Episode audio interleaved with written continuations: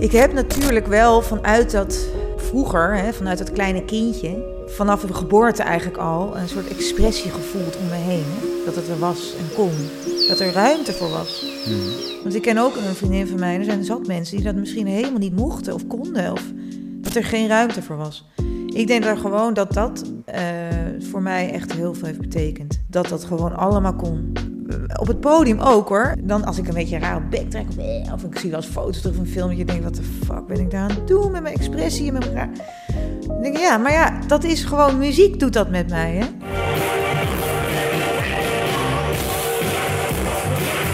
Wat zijn momenten geweest in jouw leven dat, dat je heel dankbaar was en dat je je bewust was van het feit van ik durf mij te tonen en ik durf mijzelf te delen en te geven eh, en mijzelf echt te laten zien voor wie ik ben en wat ik ben.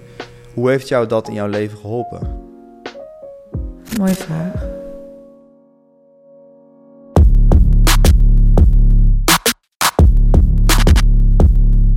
Een hele grote shout-out naar onze sponsor van vandaag, namelijk Ergomax. Innovatieve wetenschappelijk onderbouwde voedingssupplementen voor mensen die om hun gezondheid geven. Dus de volgende keer dat jij supplementen gaat bestellen, ga je naar www.ergomax.nl en gebruik je de code Matthijs10 in kleine letters aan elkaar voor 10% korting op jouw volgende bestelling.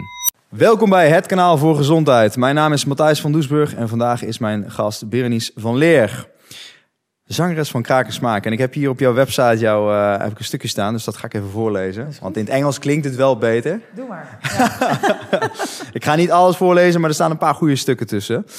As the striking lead vocalist, vocalist of Krakensmaak, live band and singer of wicked jazz sounds, Berenice van Leer has been turning many stages upside down worldwide. She has performed on countless prominent stages such as Paradiso, Melkweg, Tivoli, Vredeburg, and many international festivals like the North Sea Jazz Festival, Mysteryland, Siget, and Glastonbury. And between an acts, she has always been writing her own work, in which she finds a space for her love for more intimate songs that tell her own story. Open, honest, free, and close to the listener. Nou, ja. Berenice, om eventjes dan het bruggetje te maken. Nou, hoe ken ik jou los van eh krakensmaak? Want ik vind krakensmaak eh, vind ik lid. Helemaal geweldig. Gruwelijke muziek. Ik ook. Ik ben blij dat ik hem mag zingen. Ehm, ik had een tijdje geleden had ik een parodie gemaakt van I Shot the Sheriff eh, naar I Shot the Vaccine. Dat is helemaal te gek. En ja, goed, op, op een of andere wonderbare, waarlijke wijze ben jij die tegengekomen en dacht je gelijk, zo, die jongen die kan wel zangles gebruiken. Ja, nee, ik zag iets. Ik dacht, hé, hey, dat is wel leuk. En ik vond het wel, ik weet niet, ik, ik dacht, hé, hey, ik ben natuurlijk gewoon nu op zoek ook naar, eh, ehm, naar meer leerlingen. Ik ben zangles gaan geven, eigenlijk door deze periode, vorig jaar, minder werk. eh, ja, ik speelde eigenlijk drie, vier, vijf keer per week. Trad ik op. Moet je je voorstellen. En dan opeens is dat weg. Nou ja, dat was natuurlijk even van, eh, hallo, wat, wie ben ik dan weer zonder dat podium? Hmm. Ik kwam natuurlijk heel veel mooie dingen tegen, daarover meer. Maar ja, dus praktisch gezien moest natuurlijk ook een beetje geld in het laadje komen. Ik krijg natuurlijk wel een uitkering, Tozo, voor ZZP'ers. En dat is echt heel erg fijn. Daar ben ik Mhm. ook dankbaar voor. En ik geef daarnaast een beetje les. Eh, en ik wilde dat eigenlijk uitbreiden. En ik zag jouw stukje voorbij komen. Ik weet ook niet meer waarom ik bij jou ben gaan volgen. Maar volgens mij via een, iets van leefbewust iets. Oh, ja. Nederland. En ik zag dat voorbij komen. Het is super. Ik heb sowieso gelachen natuurlijk om jouw eh, parodie. En ik dacht, ja, wie weet. Ik, geef je, ik, ik stuur je gewoon een eh, slaatje in je DM. Ja, ja, nou ja. Oh nee, heb je zin om een proefles te komen doen? En toen kwam je bij mij en het was echt best wel leuk. Zeker. En eh, nou, zo hebben we ook een beetje elkaar leren kennen. Ja, en, en ehm, nou goed, vandaag is dus het, eh, hetgeen waar ik, wat ik wil aanhaken, is dus expressie in gezondheid. En voor mij, ik was vroeger helemaal verslaafd aan muziek maken. Ik speelde piano, drum, bas, gitaar en ik zong. Dat was dus rock, dus kon ik meer schreeuw- schreeuwen. Dan je ook een klein stukje van je stem. Ehm, maar goed, ik merkte dat, dat tijdens die, eh, tijdens die eh, les bij jou ook... dat er een echt een giechelend kind naar boven kwam. Ja. Wat zich eh, ongemakkelijk schaamde voor het delen van zichzelf. Ja. En ik ben eh, groot, groot fan van Paul Check. En een van zijn uitspraken is die hij weer van de shamaan kent. Eh, de shamanen die vragen namelijk vaak aan mensen... eh, when is the last day that you danced or sang? Mhm. Dus van is de laatste dag dat je hebt gezongen en gedanst? En vaak is de dag dat je stopt met dansen en zingen, de dag dat je plezier langzaam maar zeker keldert. Een hele mooie vraag. En ehm, dat, dat, dat werd eventjes weer aangewakkerd toen ik bij jou was. En ik dacht, nou, dat is ook een mooie kans om, om jou uit te nodigen en andere mensen daar bewust van te mogen maken. Ja. Uh, en ja, dan is het natuurlijk super mooi als je hier uh, zo'n zo'n powervrouw als Berenice voor je ik kan vind het heel mooi wat je zegt, want je, dat giechelende, hè? Dat, giechelen, dat komt natuurlijk ook van, vanuit een soort kindgevoel. En ik, ik, mij, ik pleit dus heel erg voor, voor, inderdaad, verlies dat alsjeblieft niet. Hè? Ik bedoel, nee, maar, dat- je, dat maar inderdaad, je niet dat- schaamt voor het kind. ja, mooi. Ja. Want je neemt het mee. Je bent ook nog steeds het kleine Matthijsje. Ik heb ook nog steeds een berenice bij me. ja, daar moeten we ook naar blijven kijken. Ik, ik hoop echt tot mijn dood dat ik... Hè, dat, je, dat je een soort kind blijft ook ergens. En Mm. dat je daar dus niet voor, bang voor bent. Ik vond het heel mooi, want, want je, bleef, je ging toen wel wat meer openstaan. En ehm, ik weet niet meer of hebben we dat toen geprobeerd om wat kleiner te zingen toen. Ik weet het even niet meer. Maar... Kleiner te zingen? Nou, want jij zong dat nummer toen ook op mijn gitaar eventjes. Best wel groot. Ja, klopt ja. ja en ik, ik ga altijd kijken of het ook kleiner kan. En Ja, kijken ja, of je dichterbij komt of Klopt zo. ja, inderdaad. Wat meer eh, Johnny Cash-stijl, gewoon pratende wijs. En dan subtiel, vierkant achter in de keel zetten. Die Oh zet je open. gehoord. En, en deze, Oh ja. dat lachen. Oh, nou, je hoeft dus niet te Nee. doen de hele tijd tussen Nee, ik zeg altijd, je krijgt adem als je ontspant. Ja. Die krijg je binnen. En dat is zo gaaf. Ook met sprekers is dat heel belangrijk. Dat je niet... Ja, klopt. Ja. Nee, ik heb hem echt wel bewust meegenomen. Ja? Zeker omdat ik de laatste tijd heb ik heel veel ijsbadworkshops gegeven. Drie keer per week. En daar merk ik ook dat... Af en toe even die rust. Hmm. Even dat lachje tussendoor. Ik moet nog steeds trouwens... Of ik, moet, ik wil nog steeds een, eh, zo'n eh, foto van jou uitprinten... en dan ergens achter in de zaal neerzetten. Dat Benice Oh, ja. zo staat. Dat je je herinnert van... dat ja, ik zo doe. Ja. maar goed, even voor, de, voor de mensen die eh, niet bekend zijn met jou. Zou jij ons mee kunnen nemen door, eh, in, een, in een vogelvlucht door jouw leven? Wat is de, de, de biografie van eh Berenice? Ja, ik ben opgegroeid eh, met alleen maar muziek om me heen. Ik heb een vader, die is muzikant. En er was dus altijd, altijd muziek. Was, ja, mijn vader speelde denk ik vanaf vier uur 's ochtends met zijn pantoffeltjes ging hij al componeren. En dan bracht hij ons ook nog naar school. En dus daar, ja, er was altijd piano. Of, of ik kwam thuis van school en dan gingen we weer musiceren. Dus er was altijd muziek om me heen. Nice. Dus zo ben ik opgegroeid. Dus ik, ja, met, met allerlei soorten muziek. Mijn vader is ehm, klassiek, maar ook rocker. Dus heel veel Bach, maar ook eh, ehm, Paul Simon of een eh, Grace Jones. ehm, ja, heftige jazz. eh Miles Davis. Nou ja, echt van alles, heel breed. Mm. En ik heb altijd gevoeld dat ik mocht... Ik mocht gewoon mijn expressie uit. Ik mocht alles doen wat ik wilde. Ehm, en- en als er dan mensen op bezoek kwamen, dan was het gewoon een verkleedkist in en iedereen moest maar gaan zitten en we gingen iets opvoeren. Ja, er was altijd muziek en zingen en dansen. Eh, ik speelde viool vanaf mijn vierde. Ehm, en ik ging met mijn vader een beetje zingen en dat was mijn gibberish taal. Dus dan, toen voelde ik, oh, oh, ik vind zingen wel heel leuk. Dus dat was toen al een dingetje, ja. Ik voelde eigenlijk gewoon, ik wil gewoon zangeres worden. Dat is gewoon duidelijk. Dus ik heb toen, eh, ik, ik heb in Meel heb ik gewoond. Dat is bij Kuik en Uden Oh, echt? eh, Jezus, man. in Brabant. En in Gelderland in Nijmegen op school gezeten. Daar ben ik wel naar het gymnasium gegaan, want ik wilde heel graag een. eh, het was een hele fijne school met iedereen dezelfde richting, vond ik heel leuk. Maar in mijn hoofd wilde ik, dacht ik, hé, dan gaat iedereen naar de universiteit. Mm. Dus ik ben universiteit gaan doen in Amsterdam, muziekwetenschap, muzikologie. En niet afgemaakt, twee jaar. Muzikologie. En ik zat daar en ik zei, waarom zit ik hier nou, joh? Eh, gaan we wetenschappelijk praten over muziek? Dat wil ik helemaal niet. Mm. Dus toen ben ik conservatorium gaan doen. Dan ben ik aangenomen. Heb ik vijf jaar aan gestudeerd. En dat Eh, deed je op zang? Ja, zang jazz in Amsterdam. Superleuk. Veel connecties, veel kunnen spelen. En toen ging ik al spelen bij Wicked Jazz Sounds. Ik weet of mensen het kennen. Het was een, elke zondag een clubnacht in de Sugar Factory in Amsterdam. Tegenover de Melkweg. DJ's eh, draaiden soul, funk, hip-hop. En er waren dan professionele muzikanten die daarover mee heen gingen jammen. En het was altijd Oh, dansbaar en vet. funk, soul en waanzinnige energie. Ja. Elke zondag, dat was van 10 tot 4, 5 's ochtends. Ja, ik heb daar gewoon waanzinnige tijd gehad. In mijn, in mijn studentenperiode. En, eh, maar ook in. Ik kreeg daar een eigen clubnacht met hun dus samen. En toen werd ik een beetje de hoofdzangeres. Mhm. En vanuit daar zijn heel veel dingen ontstaan. Er is een band uit ontstaan. Dus alleen maar met die mu- muzikanten hebben we heel veel getoerd. We zijn 5 mei met zo'n helikopter en met Boris, de zanger, hebben we tour gedaan. Sorry. Die gozer. Ja, die. Soul. Remember the day ja. Maar het toffe was, we hadden toen een dubbele band. We hebben dus met een dubbele band opgetreden. Dus eh, het was echt heel vet Een ervaring. dubbele band? Dus twee bassen, twee drums, Oh, echt? Jezus. twee gitaren. Ja, dat was heel vet. Ja? Ja. Is dat niet echt overkill? ja, maar dat is vet. Oké. Ja, dat was een heel gave ervaring. En toen stopte de band. En dat was om allerlei redenen. En eh, toen heb ik een mail gestuurd naar Kraken Smaken. Kennen die jongens toen al. En toen eh, kwam ik eigenlijk eh, goed... Het kwam hun goed uit, want de vorige zangeres... een waanzinnige zangeres, Lex Empress... die kon een paar keer niet. Toen heb ik ingevallen. En toen werd ik de nieuwe zangeres, om een of andere reden.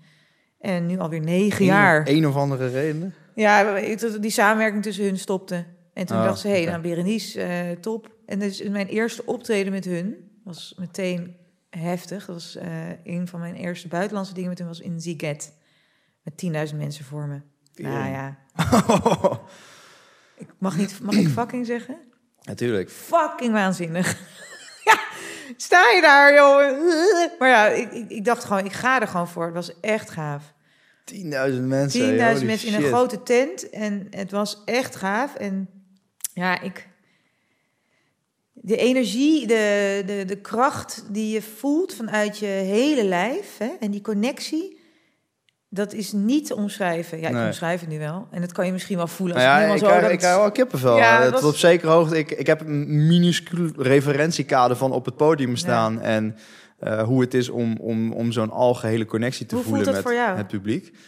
Nou ja, voor mij was dat een, een, een, een, een orgasme. Ik deed mijn ogen dicht en ik werd zeg maar later werd ik ineens wakker. En ik heb, dat, ik heb geen orgasme van seks, eh, drugs en plantmedicijn ervaren op de wijze die ik heb ervaren op het podium.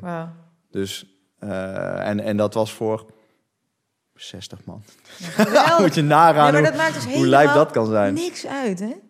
Nou, dat kan ik me niet voorstellen. 10.000 Het is- man, wat voor een een ambiance soort, en energie eh, er wel Ja, het is dus een ander soort energie, hè? Want krakensmaak is heel erg up en eh, dansbaar. Dus je hebt dan wel 10.000 man die dat hetzelfde... Dat is het vette, hè? Je, je, je bent aan het exchange, aan het uitwisselen. Hmm. Ehm, waardoor je... Maar met zoveel man is het dan nog heftiger, natuurlijk. Het is een soort extase. Waar je in een soortzelfde vibe zit. Ja, dat is natuurlijk geweldig. Nou ja, en dat doe ik nu negen jaar. En eh, met heel veel plezier. En ja, nog steeds. We waren net in een tour bezig. We zouden nog eh, met ons nieuw, van ons nieuwe album Pleasure Center. En we gingen nog naar Londen. Nog een uitverkochte zaal. Nou, toen kwam de COVID. In één keer weg. En eh, toen zat ik daar. dacht ik, ja, wat ga ik nou weer doen? En ik had net een liedje uitgebracht in november 2018, Bleed Out. En eigenlijk wilde ik daar door mee gaan schrijven. En ik had een band opgezet en mensen bij elkaar eh, gekregen, waanzinnige mensen. Om daar eh, mee te gaan schrijven. En ik ben nogal een log. Ik vind het heel moeilijk om echt plannen te maken. Hè? Echt plannen. Hmm. Maar op een gegeven moment door de COVID was het zo, ja, we konden heel weinig. En toen ben ik eigenlijk met mijn gitarist, met Lorijn, ben ik gaan zitten en denken, ja, ik wil wel spelen, maar dat kan niet met een zesmans band. Dat kon gewoon niet, het was moeilijk. Toen ben ik een, een try-out gaan doen met mijn, eigenlijk mijn eigen liedjes die ik al vroeger had geschreven met Wicked Jazz, maar ook liedjes met Kraken Smaak en de liedjes die nog lagen. Die ben ik akoestisch gaan maken, dus met mijn gitarist. En toen hebben we dus een paar keer ergens kunnen spelen, buiten. En mensen die ons voor een tuinfeestje wilden. Of ehm, mooi op zo het snacks gestaan op een festival. Met z'n tweeën dus. En toen ontdekte ik dus wat er ook gebeurde. In dat intieme en dat kleine. Hmm. Dat is ook waanzinnig. Weer een heel andere extase. Hmm. En dan zat je dus met eh 30 mensen in plaats van 10.000. Het is niet zo dat ik alleen maar 10.000 hoor. Dat, is echt, dat was dan dat moment. Dat was het Mm. grootste publiek. En toen gebeurde er iets met mij, ja. Dit wil ik gaan uitwerken. Er gebeurde echt iets moois, voelde ik. Van ja, dit is wel heel gaaf. Je kan dus veel meer, net als nu, rustig vertellen. En gaan zeggen, hé, hey, waarom heb je eigenlijk dat liedje gemaakt? En dan kan je dus helemaal dat gaan vertellen. Hmm. Of ik heb dan één of twee covers van Liz Wright en Joni Mitchell. Ja, dat zijn waanzinnige zangeressen en daar heb ik dan iets mee. En dan kan je dat weer gaan vertellen.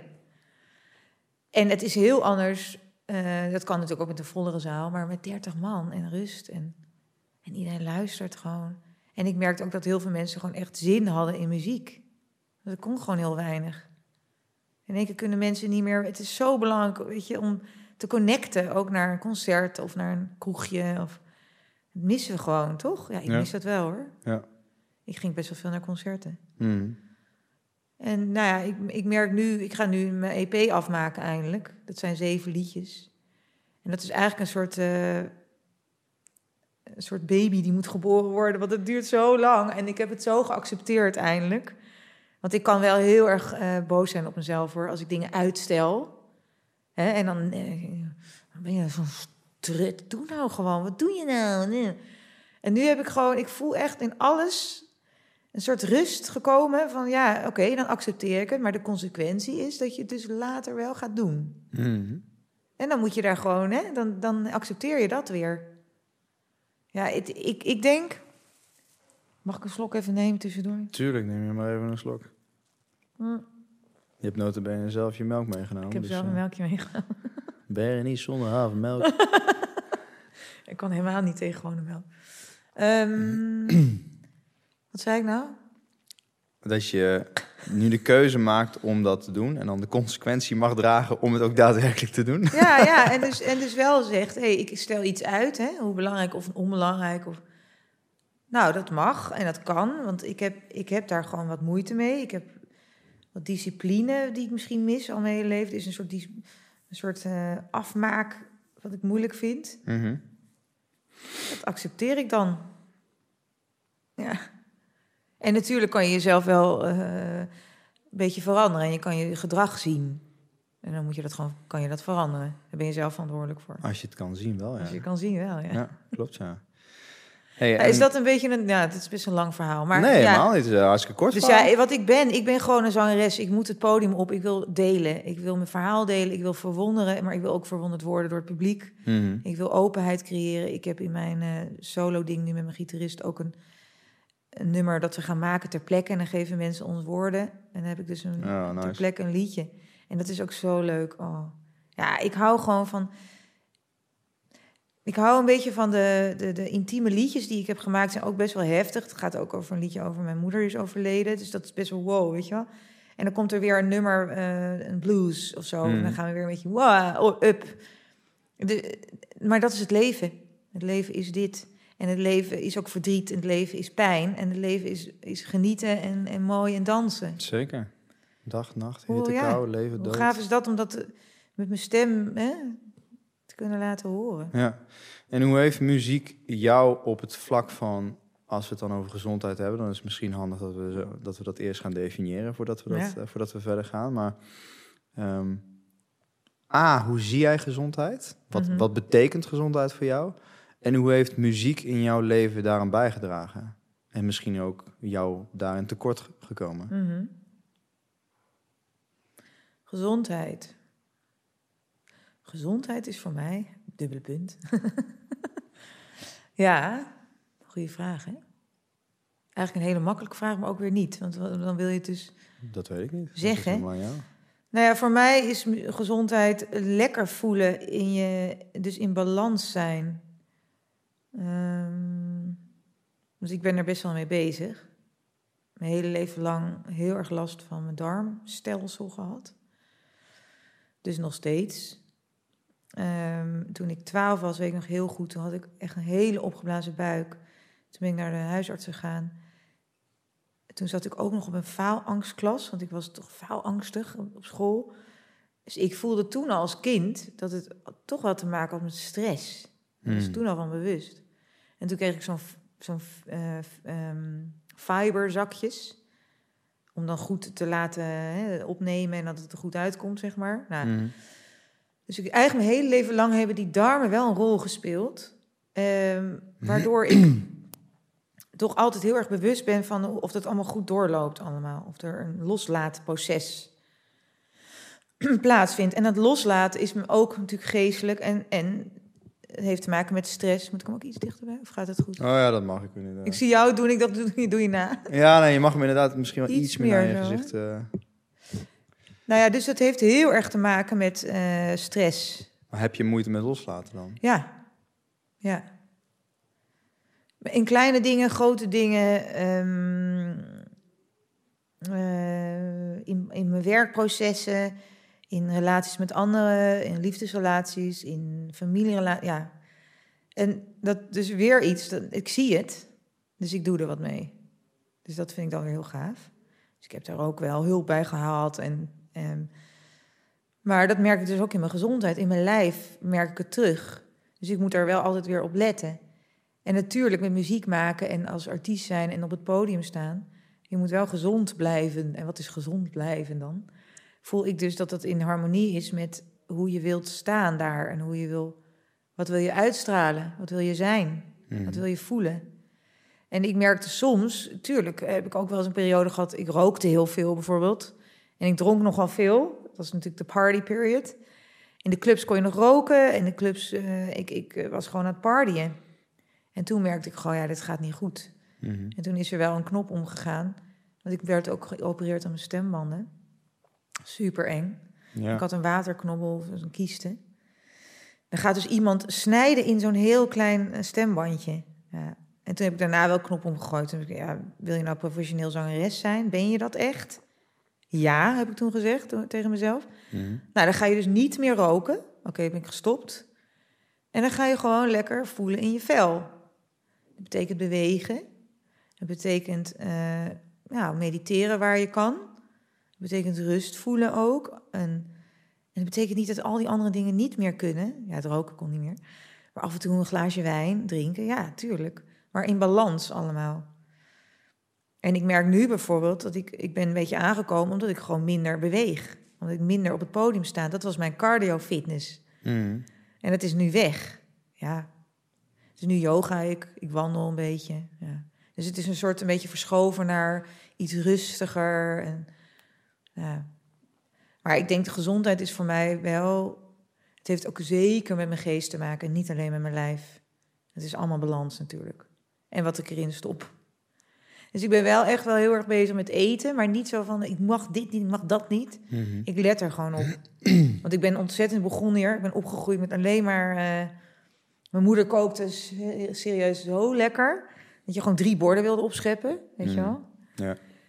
Dus ja, ik ben opgegroeid ook met mijn vader... die echt wel heel erg van eten hield. Dus dan is- zit dat volgens mij wel een beetje ingebakken. Tuurlijk, ja. Ja. dat, eh, die, die voel ik wel, ja. Ja. Dat is eh, voor mij ook... Als ik mensen vertel dat ik eh, op een feest gewoon... dat al- alles wat God verboden heeft, dat ik dat doe, zeg maar. En dan thuis weer heel erg obsessief met ro- infraroodlicht, loop, blueblockers, wifi uit, en, zo min mogelijk gluten eten. Ja, Nou, dat soort dingen, zeg maar. Eh, s ochtends vroeg de ochtendzon meepakken om de biologische klok aan te zwengelen. Eh, ik ga buiten lopen in mijn, in, mijn, in, mijn, in, mijn, in mijn korte broekje, buiten zwemmen. Nou ja, dat soort tafereelen. Allemaal om zeg maar, dat middelpunt te kunnen faciliteren. Want ja, als het een keer heel kut is met me, kan ik ook makkelijk weer terug naar het midden. mooi. En dat, ehm, eh, de definitie van gezondheid die ik meegeef tijdens workshops, is die van Ruud Elvers. En dat is een, eh, een oude baas van 66 die zichzelf... eh, heb ik wel volgens mij al verteld. Ja. die heeft, eh, ja goed, hij, hij, hij- in een gesprek met mij legt hij uit wat zijn visie op gezondheid is. Dat duurt 3,5 uur. Wauw. ik kan geen verhaal doen zonder het systeem achter het systeem uit te leggen. En al blijft hij nu al heel oppervlakkig, want die gast die bestudeert al meer dan 40 jaar de menselijke cel. En hij weet dus heel goed wat het systeem in het systeem in het systeem in het systeem is. Wauw, wat interessant. En ehm, hij is ook Olympisch coach geweest voor het vrouwensoftbalteam. Die heeft hij meegekregen naar Atlanta. Hij heeft heel lang in de honkbal gezeten. Ehm, en zichzelf van een scoliose weten te genezen. Nou, dus dat er zo'n enorme S in je ruggenwervel zit. Ja, En dat was dus een mentaal, een mentaal iets. Maar Ruud vertelde dus in dat gesprek, daar heeft hij zo over zijn oude buurvrouw van Ha- uit Haarlem. En dat, die vrouw is zo groot. Ja, Eh, als ze zich een keertje stoot, dan hield dat wondje niet. Eh, een hele kast vol met medicijnen. En eh, s ochtends dan ziet hij daar lopen en dan om de vijf meter moet ze even stoppen. even iets vastpakken om op adem te komen. En eh Ruud die vraagt zo, eh, of die roept, hé hey, buf, alles goed? Waarop de buurvrouw antwoordt, Nou Ruud, gezond, maar arm. Hoe? Gezond, maar arm. En in Ruud's ogen is ze helemaal niet gezond. Nee. Want in de natuur was ze al, was ze, was ze, had ze om de 10 minuten een hapje kunnen zijn zeg maar, Ja. voor, een, voor een roofdier. Ja, Maar in haar ogen is ze gezond. ja. En eh, Ruud legt dus uit, dus wanneer hij vraagt in zijn omgeving, maar kun je het definiëren? Dan hoor je dus vaak, als ik gezond doe, als ik gezond eet, als ik in balans ben, als ik me mentaal scherp voel, als ik me fysiek sterk voel. Maar het punt is dat alles dan gezondheid kan zijn. Mhm. Ook voor de buurvrouw met obesitas Ja, ja, ja. En, en weet ik het allemaal van andere kwalen. Ja. Dus is de vraag, kun je elkaar dan wel echt begrijpen? Ja. Als je het zo subjectief maakt. Want ik denk dat je dat, als je dat in een onderzoek zou moeten eh, aan, eh, zeg maar, je moet je, je kader gaan vormen, je moet gaan afbakenen, dan is dat wel heel erg vaag. Ja, Dus toen heeft Ruud gezegd, oké, er moet een duidelijke definitie komen. Dus ik ga eens kijken of ik hem kan reproduceren. Gezondheid is een toestand van hoog energetisch zijn, die wortelt in elektromagnetisme, met zelfhandhaving en zelfheling als de expressievormen daarvan. Dus in Jip en Janneke taal, ik ben zo ontzettend energetisch geladen, dus ik maak fucking veel energie aan, waardoor of het nou een keertje heel koud is of heel heet, dat ik weer terug kan naar het midden, omdat ik genoeg energie heb en adaptiviteit. En als ik een blessure heb, dan heb ik genoeg energie om te herstellen. Als ik mentaal kwets, kwetsuur heb, Ja. heb ik genoeg energie om te herstellen. En ik kan mij aanpassen aan mijn omgeving. Dus ik ben hoog adaptief en ik heb zelf helend en zelf eh, handhavend vermogen. Als je dat dus niet hebt, ja, en, eh, je hebt een keertje COVID of zo, ja, dan val je om. Of het is een keertje koud, virusje, je valt weer om.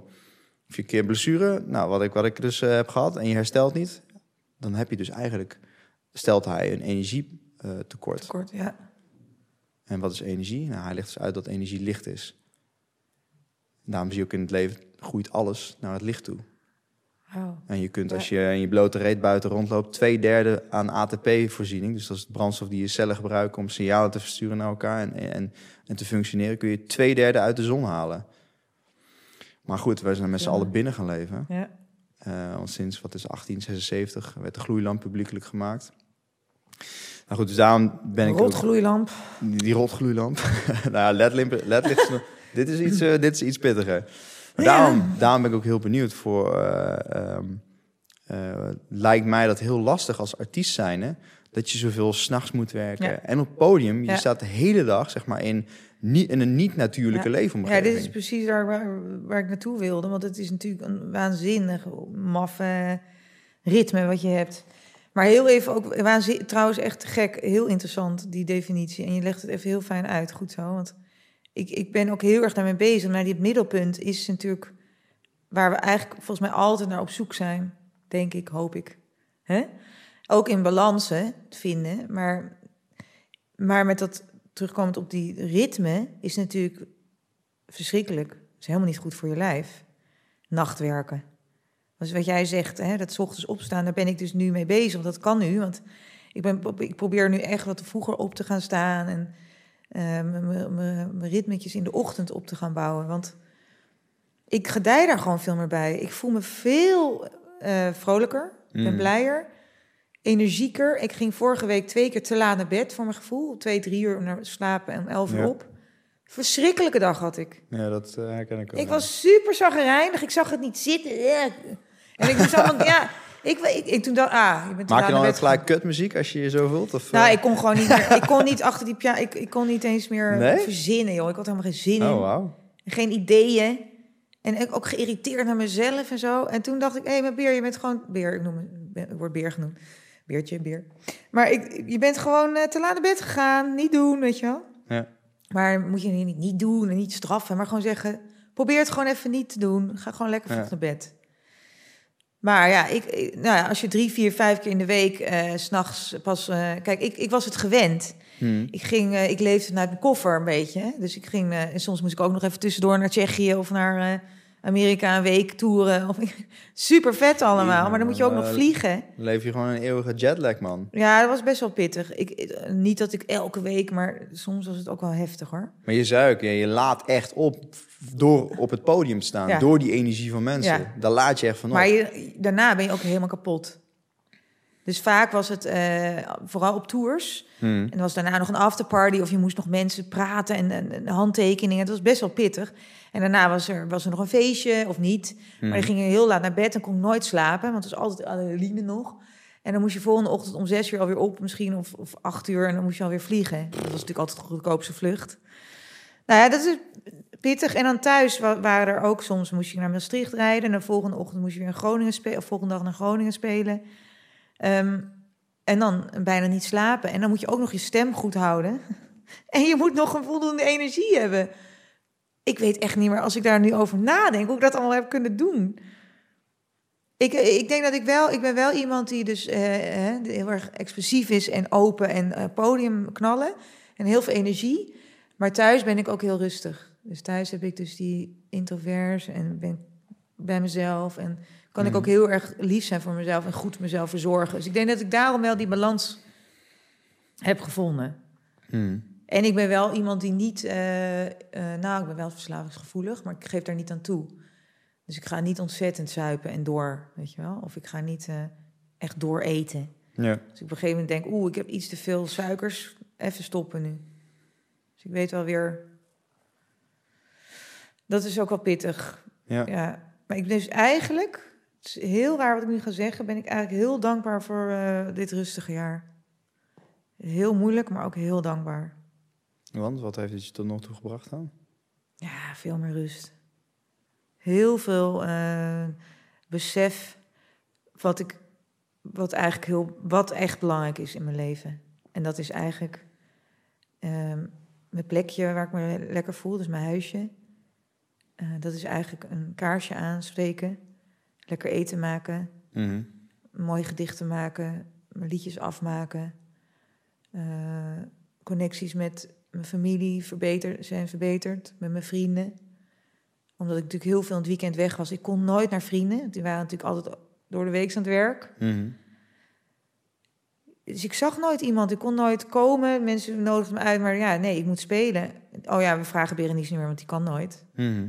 En nu, oké, het is wel via het schermpje, maar er is gewoon wel eh, videobellen en je bent aan de andere kant van de wereld. Mijn beste vriend woont in eh, Nieuw-Zeeland. Maar ja, die spreek ik nu wel, lijkt wel vaker dan dat toen ze in Haarlem wonen, weet je wel. Dus, Ja. Maf, hè? Ja. Het heeft me echt, echt heel veel rust gebracht. En, en een besef ook van hoe dankbaar ik ben hoe mijn leven tot nu toe was. Ook gewoon met al dat spelen. En, en ik heb een rust van als het nooit meer zo terug zou komen, wat ik denk dat wel gaat gebeuren, maar even nog niet, Mhm. dan is het ook goed. En dat voelde ik eergisteren heel erg. Dat ik, wow, wat gaaf eigenlijk. Mhm. Dat het oké is zo, joh.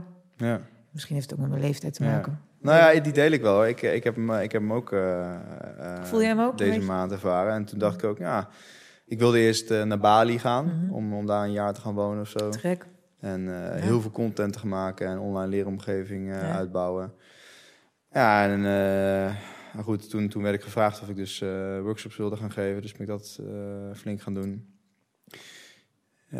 Nou, dan ben je in de natuur en dan naast het vuur maken, eten maken, workshops geven en heling faciliteren, vind het eigenlijk ook wel prima. Dan, ik heb echt intens geluk ervaren de afgelopen twee maanden. En toen dacht ik ook in één keer, ja, als ik nooit meer kan reizen, omdat er, omdat er een verplichte prik in mijn reet moet, ja, dan zeg ik, fuck dat. Dan blijf ik wel in Nederland, ga ik wel landen op Green Parks en Center Parks. Vind ik het ook prima. Ik sterf in Nederland. Ik krijg de krampen. en toen dacht ik, ja, vind ik ook eigenlijk wel prima. Joh. Ik, ik woon 10 minuten van Nationaal Zuid-Kennemerland, waar ik, waar ik vaak ga lopen, eh, waar ik ga zwemmen.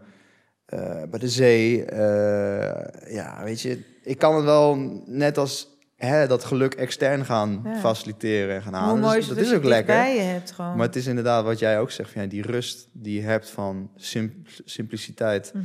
En eh, connectie met, met vrienden, familie. Ja, is ook prima. Af en toe een hond mee, lekker naar Zeker, dat wel, ja. Dan zou ik wel, eh, zou ik wel een hond gaan, eh, Ja. gaan, gaan aanschaffen. Ja, ik heb dus een hondje af en toe van mijn zus. Ja, je hebt hem ontmoet. Ja, ja. Ja, dat is wel heel erg fijn. En dat is dan, dan ben je gewoon verplicht om naar buiten te gaan. Dat ook. Maar wat je net zegt is echt, ik denk dat het een ding is van ook de waardering, wat eigenlijk ook herwaardering van Nederland. Hè? Het is Mm. een heel mooi land. Mooie plekken ontdekt, joh. Heb jij Ja. niet heel veel mooie... Ja, nou, ja, ik ben dus, dus, dus ik was drie, vier keer per week in Drenthe. Ja. Een- Oh, En die mensen die daar allemaal werken, die, die zijn ook in Noorwegen, Zweden, Lapland geweest. Die zeggen, het is net Zweden, jongen. Die bomen zijn super lijp. Echt eh, alsof je in Lord of the Rings zit. eh, af en toe van die Swarm stand for the Laatsmaster. Heb je denken dat je Smeagol daar ziet rondlopen. En eh, ja, echt, echt, echt een onwijs mooie omgeving. Ja. En dan, dan merk je wat voor een enorme impact de natuur heeft op, op jouw zijn. Als je. Ja. daar gewoon twee weken rondloopt. Dan merk Gaaf. je ineens hoe rustig en hoe goed je slaapt. En hoeveel energie je weer hebt. En pff, zonlicht, jongen, is Zou je echt- dan niet meer liever in de natuur willen wonen dan? Absoluut, zeker. Of woon je maar- nu al echt in de natuur? Nee, nee, nee. Maar eh, he- het ideale plaatje voor mij zou zijn... In de aan de rand van een stad... dat je eigenlijk een huis in de bossen hebt... Ja, Maar, maar ook binnen vijf minuten gewoon in de stad zou kunnen zijn... als je dat zou willen. Eh, dat, zou, dat zou voor mij echt helemaal top zijn. Maar tegelijkertijd heb ik zoiets van... Ja, zoals nu is, is het ook goed. ja precies. Maar dat zou het ideale plaatje zijn, Ja, zeg ik maar. snap je wel. Dat heb ik ook wel. Maar het is ook weer zo dat het me ook weer nu brengt van... wow, ik ben ook dankbaar dat ik nu dit huisje heb... en dat ik er heel erg prettig bij voel. Ja, En voor nu is het ook helemaal fijn. ja. En ik heb dan echt, echt geluk gehad. Ik stond 15 jaar ingeschreven. Nou, hoe moeilijk is het in Amsterdam? Maar waanzinnig huis aan een mooie gracht en mooie parken omheen. En ja, en je kan zo, ik bedoel, eh, je kan zo een klein stukje rijden of met de fiets en je kan overal mooi wandelen. Mm, Ja, Ja. toch? Je moet het ook gewoon Klopt. Niet te moeilijk maken of zo. zeker. Maar om weer even Ja. terug te gaan naar expressie. Ja. Wat zijn momenten geweest in jouw leven dat, dat je heel dankbaar was en dat je bewust was van het feit van ik durf mij te tonen en ik durf mijzelf te delen en te geven Mhm. eh, en mijzelf echt te laten zien voor wie ik ben en wat ik ben. Hoe heeft jou dat in jouw leven geholpen? Mooie vraag. Eigenlijk met alles. Ik, ik, ik voel dat ik. eh, Ja, dat is wel gaaf. Ik heb natuurlijk wel vanuit dat. ehm, vroeger, hè, vanuit dat kleine kindje. Vanaf de geboorte eigenlijk al een soort expressie gevoeld om me heen. Hè? Dat het er was en kon. Dat er ruimte voor was. Want ik ken ook een vriendin van mij, er zijn zat mensen die dat misschien helemaal niet mochten of konden, of dat er geen ruimte voor was. Ik denk daar gewoon dat dat eh, voor mij echt heel veel heeft betekend. Dat dat gewoon allemaal kon. Hmm. We waren een soort eh hippie-familie waar mijn vader nam ons ook mee naar optreden. Ze waren, elk jaar wonen we in Ibiza een paar maanden en dan nam hij ons mee naar een nachtclub waar die speelde. En liepen onze blote voetjes en zaten we onder de tafel te slapen, weet je. En dat was gewoon, hoppa, en ik kon gewoon meedoen met, met muziek maken en gek doen. En eh, ik heb ook een keer geschreven dat mijn vader is ook iemand die is heel expressief op het podium. En dat heb ik ook van hem geleerd, dat alles kan, ook op het podium. Het, als je maar gewoon dicht bij je hart blijft en authentiek blijft. Gewoon je, wat wil jij zeggen? En dat brengt mij natuurlijk op het volgende, dat je in het dagelijks leven...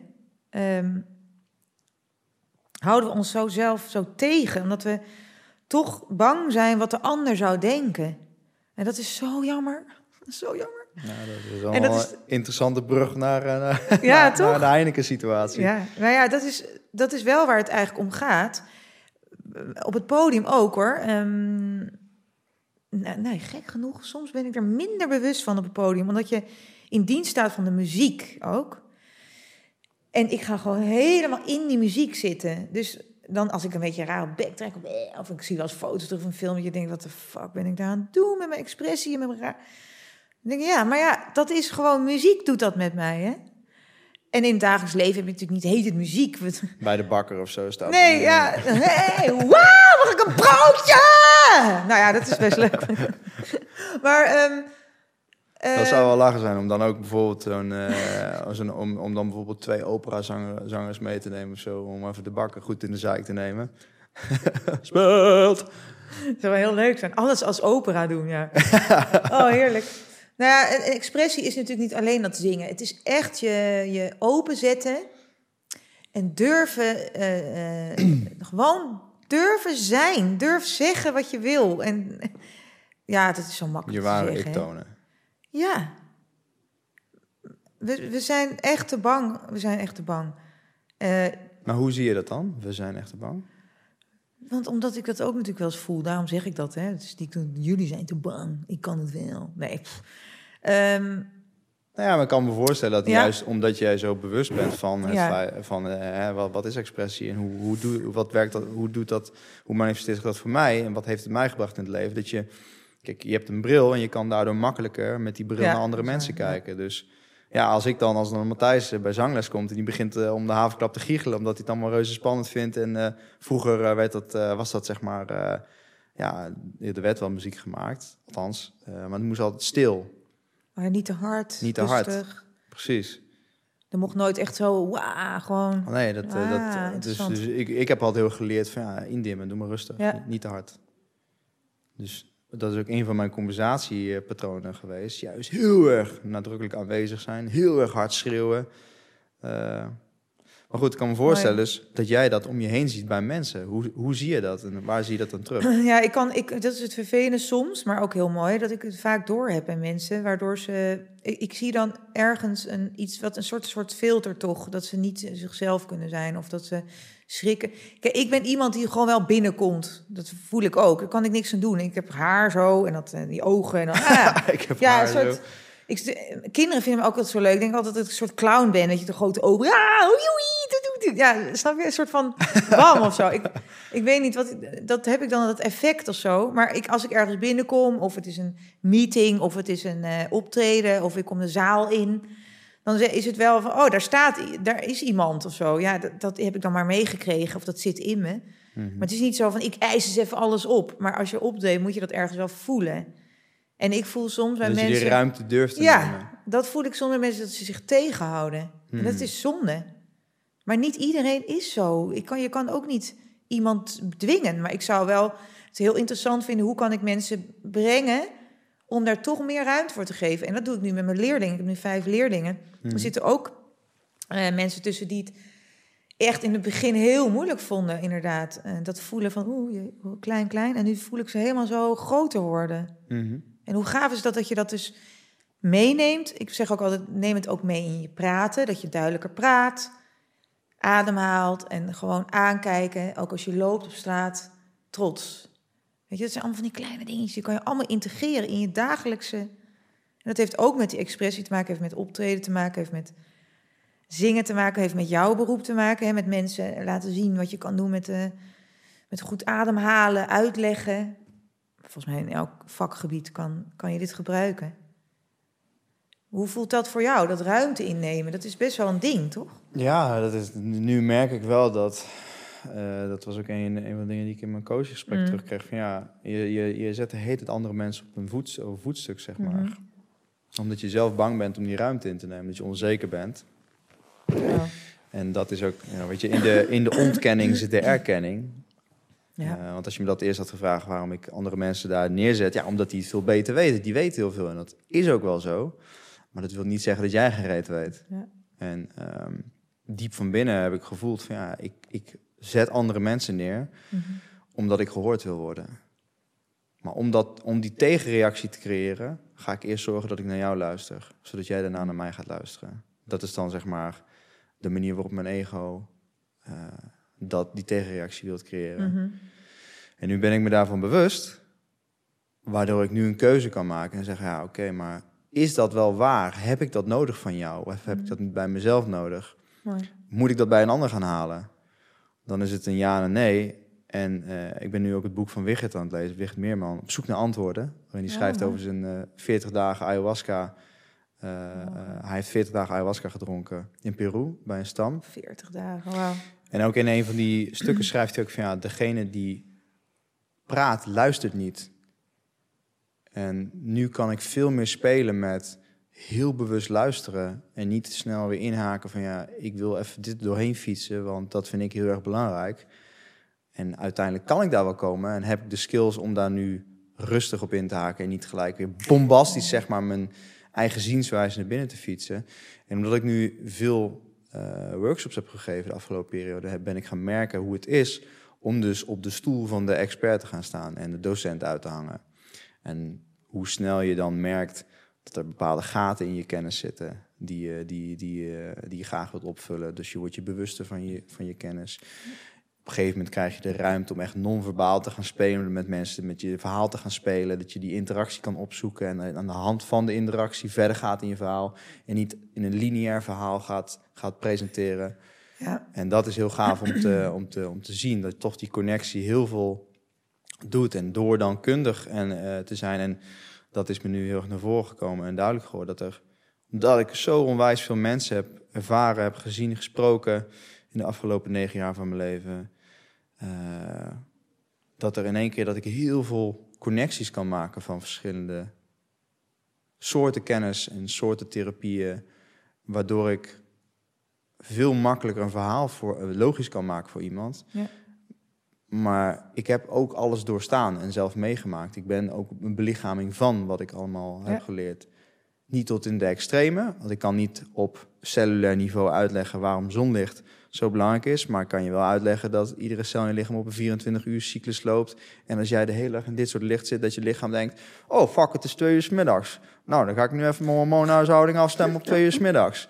Ja, en daarom leven we altijd in een jetlag. En eh, doen... Kijk, ieder orgaan in je lichaam heeft, heeft ook een moment van zijn dag dat hij op, op zijn piek presteert.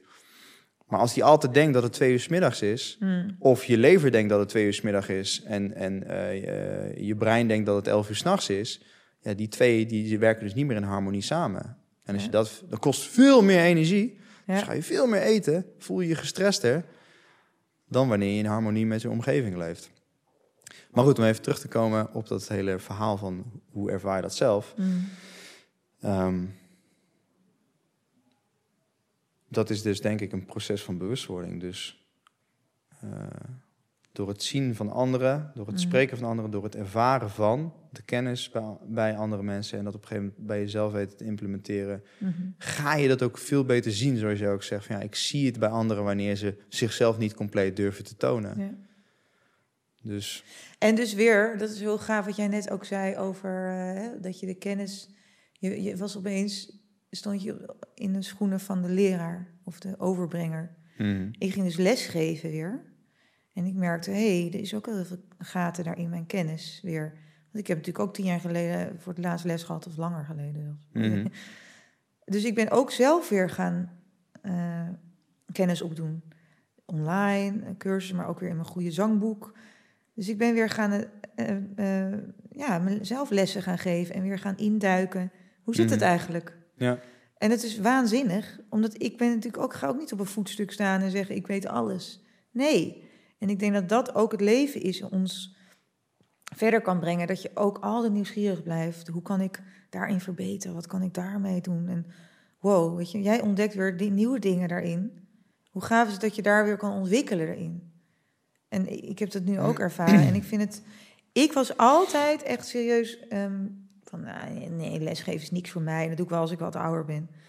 En nu denk ik, oh wauw, hoe gaaf is het als ik. Dat ik dus die, die passie zie bij anderen en dat ik dat kan overbrengen. En dat ik dat zie bij de ander en dat eruit kan halen. En dat ik dus die, die ruimte voor hun kan. Dat, dat ze dat kunnen voelen. Ja, dat is waanzinnig. Dat is Hmm. superleuk. En Ja. dan zie je die mensen, oh dankjewel en dankbaar zijn. Natuurlijk is dat ook een fijn gevoel, maar je betekent iets voor iemand. Wauw. mhm, Dat is, vind ik echt heel mooi. ja, En dan met je expressie en met je... Want dat is wel een, de methode hoe ik lesgeef, is heel erg... eh, wat wil je doen met het liedje? Wat wil je zelf bereiken? En dat is, betekent ook... eh, een leerling van mij doet Billie Jean, maar dan heel klein op gitaar. Waanzinnig doet ze dat. En eerst deed ze dat veel groter. En, en dan denk ik weer, ja, maar wat wil jij daarmee? Weet je? En dan, dat is zo mooi om dan dat Mhm. te kunnen bereiken.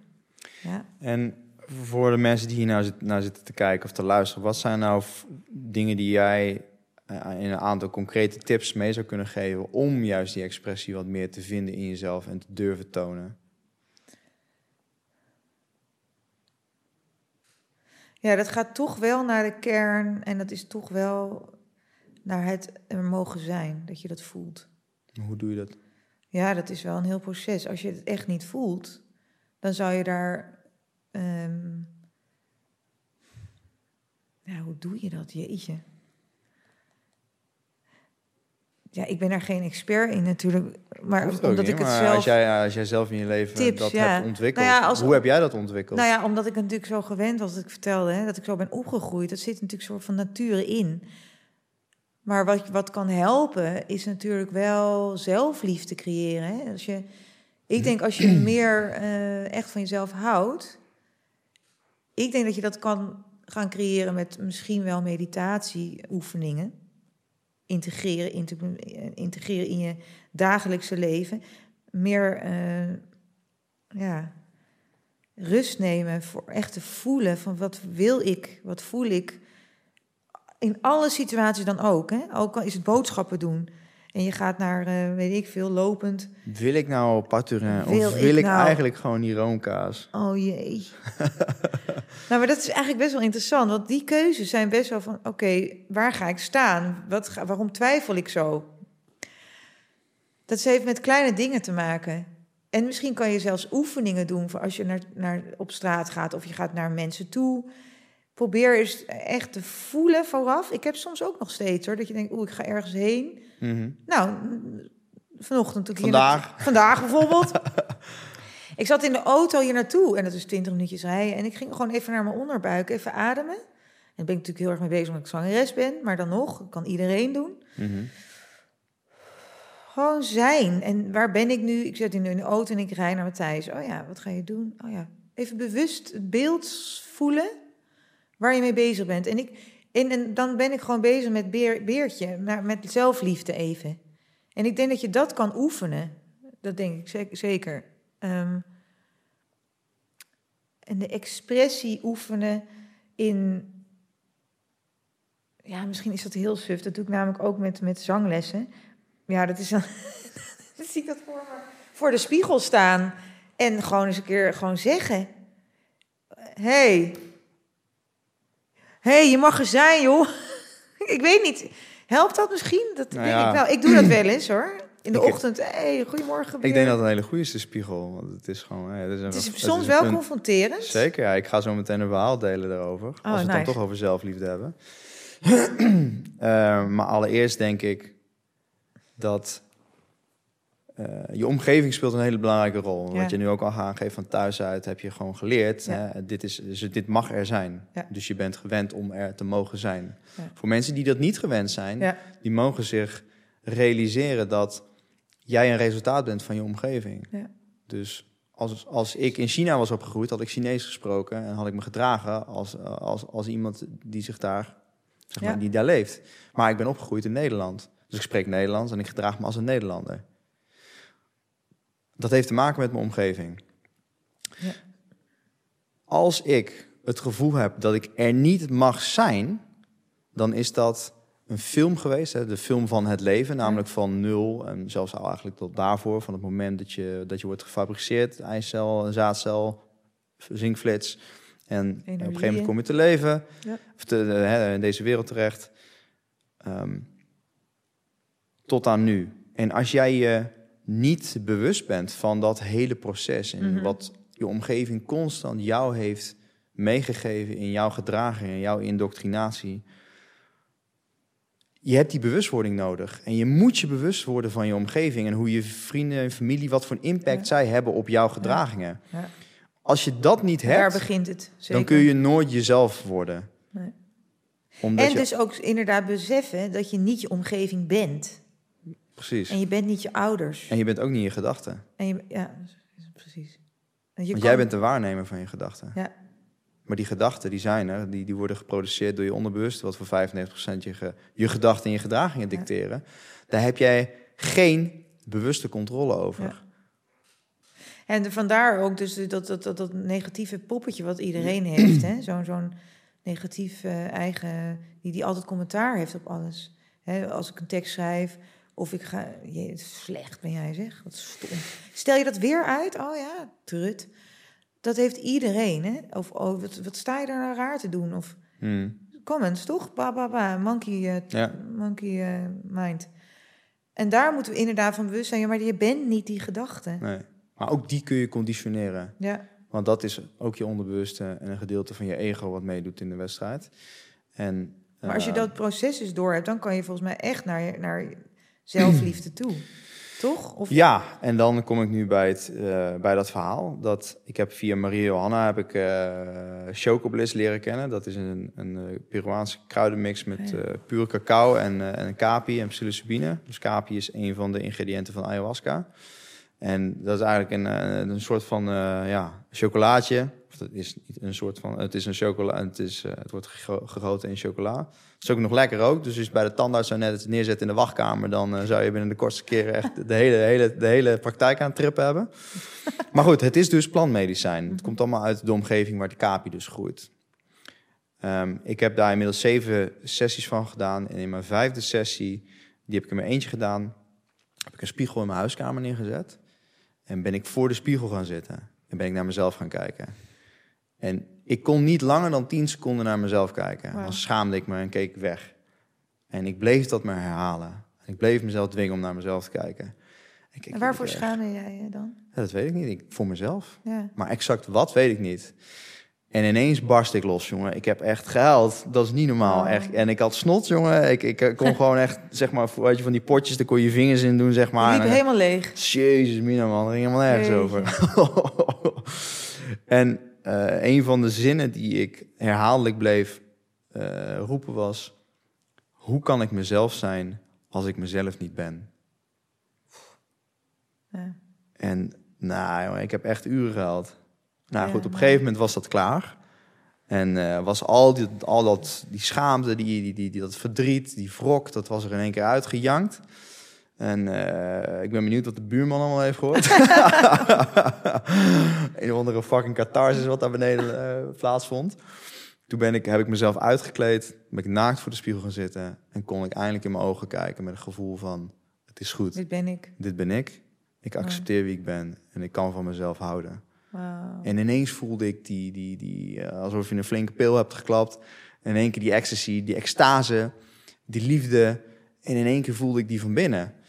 En uh, het grappige is, ik had in mijn, uh, daarvoor had ik een gozer bij mij, die ken via jiu-jitsu. Ik heb ook een keertje koffie gedronken met hem. En met hem had ik een heel raar gevoel van onzekerheid als ik in zijn aanwezigheid was. En ik kon mijn vinger er niet op leggen wat het nou exact was. Maar ik werd onzeker en, en een beetje ongemakkelijk in zijn, in zijn bijzijn. Terwijl hij doet niks. Hij zit daar alleen maar te zijn. En voor mij was dat een hele interessante spiegel. Want nadat ik dus zelfliefde ben gaan ervaren, was dat helemaal verdwenen. Wow. En hij is niet de enige bij wie ik dat gevoel heb ervaren in mijn leven. Er waren nog een paar mensen. En nu is dat helemaal verdwenen. Nu heb ik dat, nu heb ik 0,0 ongemak. Nu kan ik veel makkelijker zitten en kijken en luisteren naar andere mensen. En heb ik niet meer de drang om, om zelf de hele tijd aan het woord te zijn. Om die validatie van iemand anders te halen. Mm. Om te horen dat ik goed genoeg ben. Mm. Dus word ik ook een betere luisteraar. Hmm. En als ik van mezelf houd, dan kan ik ook beter van jou houden. Net als in een relatie. Je hebt 50% Berenice en je hebt 50% Matthijs. Maar als Matthijs maar 30% is in zijn zijn, moet jij 70% invullen in de relatie. Dus heb je eigenlijk al een scheve relatie. Ja. En zelfliefde, dus als je dat niet ervaart en niet voelt, in iedere fucking vezel van je lichaam, ja, dan ga je dat bij andere mensen halen. Ja. Dus, um... Eigenlijk is dus dit de kern, hè, de basis is die zelfliefde. En het betekent ook niet, want ik, ik vroeg me nu af ook hoe je, als je dit hebt ervaren, betekent dus niet dat je helemaal zo'n hemelhoog eh, persoon bent, dat je alles aan kan. Je hebt nog steeds, inderdaad, je zoekt nog steeds naar die middenweg, want je gaat ook wel eens daar naar. Tuurlijk. Het is het leven ook, eb en vloed. Maar je hebt in één keer een bewustwording gekregen. En daar kan je dus nu steeds naar terug. Precies, je hebt een nieuw eikpunt gekregen. Je bent even gecalibreerd. Ja. Waardoor je net, net, zo, net zozeer als in bijvoorbeeld uh, schaduwwerk, daarin, hè, je, omdat je, je groeit op en van 0 tot 7 functioneert je brein op theta-golflengtes. Dat is een hele trage golflengte waar je onderbewust op zit, die je ook voelt tijdens het slapen. En kinderen leven daarom in een fantasiewereld en die leven daar in theta omdat ze, evolutionair gezien, het, het gedrag moeten vertonen van de groep. Want als ze dat niet vertonen, dan zitten ze de overleving van de stam tegen. Dus vroeger was het dan wieberen met die kinderen. Dus je zit in theta. En ze gedragen zich zoals papa en mama en de omgeving. Alleen het punt is, dat wil niet zeggen dat zij dat diep van binnen zijn. Ja. Dus later, daar komt ook ontwikkeling vandaan. Ontwikkel jij je van wat je hebt geleerd. Dus jij wordt jezelf. Ja. Jij wordt je zelfbeeld. En daarvoor moet je je ontwikkelen. Dus al die wikkels die je hebt geleerd in je leven, je mee hebt gekregen, je mag je ontwikkelen en mag je dus loslaten. Ja, gaaf. En ehm, ja, ik denk dat sowieso dat eh, zelfliefde, dat is iets wat je moet ervaren. En dat kun je niet zomaar aangeleerd krijgen, denk ik. Maar dat is mijn niet. referent. Ik zou, ik zou mijn god niet weten hoe je dat nou precies ja, mee zou kunnen geven aan iemand. Maar ik denk dat... Nou ja, dus dat er ruimte is om jezelf te kunnen zijn. Dat er dus niet steeds eh, een... com- eh, oh ja, doe je zo? Oh, Dat, Ja. er, hè, dat er ruimte is van... Natuurlijk heb ik ook wel eens mijn nare dingen meegemaakt met mijn ouders. Het is niet zo dat het helemaal... oh, Spik en span is. Nee, mijn vader was een artiest en mijn moeder was alleen maar voor de... Natuurlijk moeilijke spanningen geweest. Het is Mhm. niet makkelijk geweest. Ja. Dus daar zitten ook wel wat dingetjes hoor. Mijn moeder die vond het ook. eh doe eens even dat truitje over je billen, is veel te dik. Weet je. Ik was ook wel. Mijn moeder vond me altijd te dik of zo. En het kwam natuurlijk uit haar, haar pijnen. Ze heeft Mhm. allemaal dingen meegemaakt vroeger, tuurlijk. Ja. En natuurlijk was ik me daar heel erg van bewust hoor. Ja. Toen als klein kind misschien niet. Dus er zijn ook allerlei processen geweest. Maar dat begin, dat je die, die expressie hebt gevoeld en mag zijn, dat is natuurlijk heel mooi. Ja. Maar wat jij hebt meegemaakt dat het er misschien niet mocht zijn, hoe is het dat je nu voelt, hé, hey, ik mag de ruimte gewoon opvullen. Want, Mhm. Ja, en dan als we weer terugkomen op dat die omgeving, Ja. eh, is als jij je bewust bent van je omgeving en dus constant eigenlijk het gevoel krijgt van ik mag er niet zijn. ja, Want laten we even een extreem voorbeeld nemen. Eh, ik kijk bijvoorbeeld kinderporno. En ik zit in mijn vriendengroep en ineens zeg ik... Nou jongens, eh, ik weet niet precies, maar eh, ja, volgens mij ben ik verslaafd aan kinderporno. Dat Wat je een vriend... heftig voorbeeld dit, joh. Klopt, maar dat je vrienden dan zeggen... Ja, Oh, meen je? Hoe komt dat? Wanneer is dat gebeurd? Waar denk je zelf dat het aan ligt? Maar niet gelijk... Gast, wat de fuck is dit van? Politie bellen? Jij mag er niet zijn. Mhm. Terwijl hè, ook dat is een, denk ik, een symptoom van iets wat veel dieper ligt. Mhm. In, in, in, waar het ook schrijft, als iemand daar een moord pleegt in de stam, gelijk 40 dagen ayahuasca doen en voor de rest van je leven sta je in schuld van de familie. Dus moet je werken voor de familie. Maar je wordt niet in een gevangenis gestopt met allemaal andere lijpo's, eh, waar je een omgeving hebt met alleen maar lijpo's. Ja, daar word je niet beter van. Nee. Dus Er is toch zo'n on- onderzoek geweest, ik weet even niet hoor, dat is zo vervelend als ik dat allemaal roep en ik weet niet precies waar. Of een onderzoek of er was een documentaire over in Amerika over de, de verslaafden die dan worden weggestopt in de gevangenis, maar ze hebben gewoon alleen maar liefde nodig. Zodat ze gezien worden. Mm. Dat is het enige wat er is, nodig is. En daarvoor moet je Achter dus... elk verhaal zit iets. Absoluut, ja zeker. En dat, dat om, dus weer even, om dit verhaal af te maken. Dus die omgeving, Mm. word je bewust van je omgeving. Ja. Dat zou een, een punt zijn van hoe kun je dat doen. Ja. Ten tweede, wat ik dus net al zei, dat onderbewuste, wat dus voor 95% jouw gedraging en gedachten dicteert. Als jij jezelf, dat kun je dus, eh, je kunt daar inzicht op krijgen door middel van plantmedicijn eh, en, en, en, en, eh, en LSD, ecstasy, ehm, Ja. truffels, paddo's. Dan krijg je echt in één keer een, een, een, dan wordt echt, ja, dan wordt alles opengetrokken en ga je jezelf helemaal ervaren, want alles wordt opengezet. En, en ja, werk doen dus, dus eh, eh, ehm, echt schaduwwerk doen. Dus ik gedraag me constant aan de hand van een prikkel op deze wijze. Maar komt dat door de prikkel of komt dat door mij? Of heb ik geleerd om te reageren op een bepaalde wijze op die prikkel die ik mee heb gekregen uit mijn jeugd en met de programmeringen? Nou ja, ik had hier vorige week had ik Jaap Hulsman, dat is de oprichter van de Mindset Academy. En die heeft ook veel hypnose gedaan en LP en mensen daarmee geholpen. Mhm. En eh, nu helpt die mensen succesvoller te worden. Dus eh, ondernemers succesvoller worden. Om ook zichzelf te herprogrammeren. En het onderbewuste opnieuw te trainen naar het nieuwe zelfbeeld. Ja. Want jij wordt je zelfbeeld. Maar daarom wordt een, een roos een roos. Die heeft dat in zijn DNA zitten. Ja. Matthijs heeft Matthijs in zijn DNA zitten. Berenice heeft Berenice in, zijn, in haar DNA zitten. Maar daarvoor Dus moet jij- je dus bewust worden van de omgeving. Jij wil eigenlijk mensen aansporen hè, om dus eigenlijk altijd een beetje naar dat onderzoek te gaan. Naar jezelf. Als je iets tegenkomt.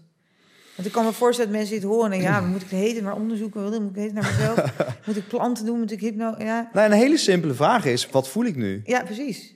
Ja, precies. En doe daar wat mee. Welke toch? Emotie voel ik nu? Ja. Waar, en waar voel ik dat? Ja, da- dat is een begin, want dat doen heel veel mensen niet. Nee, maar dat wordt je ook niet geleerd. Want Dat het wordt je niet geleerd. Op school ook gewoon. Dan wil je wat zeggen. Je wilt door, jezelf tonen. Sst, stil. Ja, Ja. Dus je wordt geconditioneerd om je shit, om jezelf in te slikken. Ja. Nou en dan krijg je onderdrukking. En van onderdrukking krijg je ziekte. Ja. Want je zenuwstelsel wilt ontladen. En dat kan ook door middel van expressie. Dus letterlijk zeggen, roepen, schreeuwen, huilen. Ja. Maar wij leren dat we dat niet mogen doen. Dat het niet wenselijk is om jezelf te zijn. Ja. Ja, dan krijg je dat van generatie op gene- ge- generatie, generatie die dat allemaal En doorgeeft. En degenereer je gewoon als, Het begint dus bij opvoeding, want je ouders moeten gewoon inderdaad zeggen: waar voel je die pijn dan eigenlijk? Dat doen Tuurlijk. ze ook niet. Mijn moeder, van mijn moeder mocht ik ook heel weinig huilen. Ah, wat is er nou? Eh, weet je wel? Dus Ja. gelukkig kon ik zingen. Misschien is daarom wel dat ontstaan, dat ik daar dus de, hè, de expressie in Hmm. kwijt kon. En hoe, eh, kun je nu wel makkelijker huilen? Heel erg makkelijk. Ja? Ja, ik kom heel erg, heel man. snel. Soms te snel, maar dat vind ik ook helemaal niet erg. Ik ben gewoon een heel emotioneel mens. En dat vind ik dan heel gaaf, want ik zet gewoon alles open. Hmm. Maar ik vind het heel mooi wat je zegt met het plant. Ik heb ook allerlei dingen onderzocht. Ik heb ayahuasca gedaan. Ik heb gisteren mijn hypnotherapie-sessies afgerond. Heel veel mooie dingen Nice. tegengekomen. Eh, omdat ik ook de diepte in wil met mezelf. En dingen tegenkwam van, hé, waar voel ik het eigenlijk? En ik kon niet meer bij mijn gevoel ergens. En ik had het in de zomer heel erg eh, opgeblazen buik weer. Hmm. En er was wat stress. Weet je, er is natuurlijk een nieuwe situatie ontstaan, minder geld.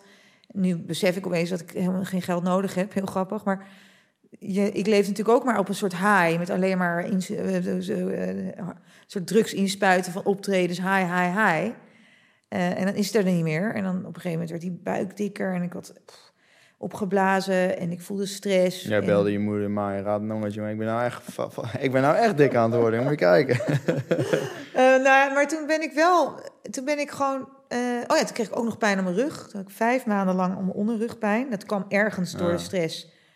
Dus geestelijk, maar ook, Die zie je ook veel bij mensen die het gevoel hebben dat ze vastzitten in hun leven. ja, heel erg. Dus een, Je wilt letterlijk, letterlijk een knak. Weg zeg maar zo, maar je zit vastgenageld aan een stoel. Letterlijk ik wil weg, ik wil weg. ge- geknakt in mijn rug, letterlijk. En het kwam ook mede een beetje door een soort deadlift die ik verkeerd deed. Want ik was ontzettend Mm. aan het sporten. Ja. Maar ja, dat was natuurlijk de COVID-tijd, dat, wat er geen begeleiding was in de sportschool. Dus je had er je eigen vierkante metertje en je, je moest Mm. maar wat doen. En dus dat, de combinatie, dat was slecht. Dus ik heb dus ook nog die rugpijn gehad. Maar het heeft me wel gezegd van ja, inderdaad, blijf jij maar eens even rustig jij. Ik moest echt letterlijk, ik kon niet bewegen joh, dat was echt verschrikkelijk. Ja. Maar het heeft me ook wel wat gebracht dus, gek hè? Maar ja, het heeft me wel echt bewuster gemaakt. Mooi. heel even. Oh, sorry. Ik ben dus een sjaalmens. Ik heb dus altijd een sjaal aan, maar... Zo, Opeens kriebelde hij een beetje. Ja. Dit is mijn lievelingssjaal. Hij is vet. Waar komt die vandaan dan, die sjaal? Ja, dat weet ik dus niet meer. En iedereen vraagt het altijd, maar het... Wat betekent die sjaal voor jou? Warmte. Eh, geborgenheid. Ja? Ja, dit voelt, dit je, voelt dan je, zo en je, van... voelt, je voelt je nu wat meer open.